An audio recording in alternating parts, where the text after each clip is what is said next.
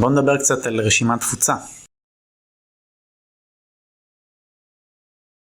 אז רשימת תפוצה או רשימת דיוור, ניוזלטר, יש לזה כל מיני שמות, זה בגדול אחד האפיקים הטובים ביותר מבחינת יחס המרה ואיכות הלידים slash מכירות שזה מביא. זה לפחות מהניסיון שלי ועוד ניסיון שאני יודע דרך כל מיני לקוחות ואתרים שאני מקדם. יתרון נוסף של רשימת תפוצה שזה בעצם מעין אפיק שלא תלוי באף חברה גדולה, לא גוגל, לא פייסבוק, לא לינקדאין, לא טוויטר, לא כל הגופים הענקיים האלה שרובנו תלויים בהם בשיווק בצורה כזאת או אחרת. רשימת תפוצה זה סך הכל רשימה של מיילים, טלפונים, בדרך כלל מיילים, שמות של אנשים, ואנחנו יכולים לדבר אליהם בהמון המון פלטפורמות אפשריות, שזה בעצם מערכות דיבור, פלטפורמות לדיבור אוטומטי. הנכס האמיתי הוא בעצם הרשימה עצמה, שזה בעצם רשימה של אנשים שאנחנו אוספים עם השנים, עם הזמן, עם המאמצי שיווק, ו...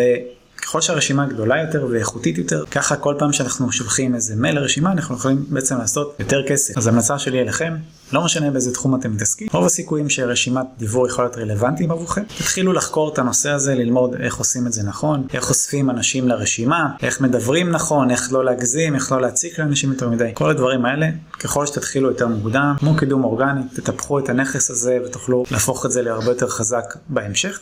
כמובן שבנוהל אני מצרף מדריכים רלוונטיים לרשימת תפוצה ואיך להגדיל את הרשימה.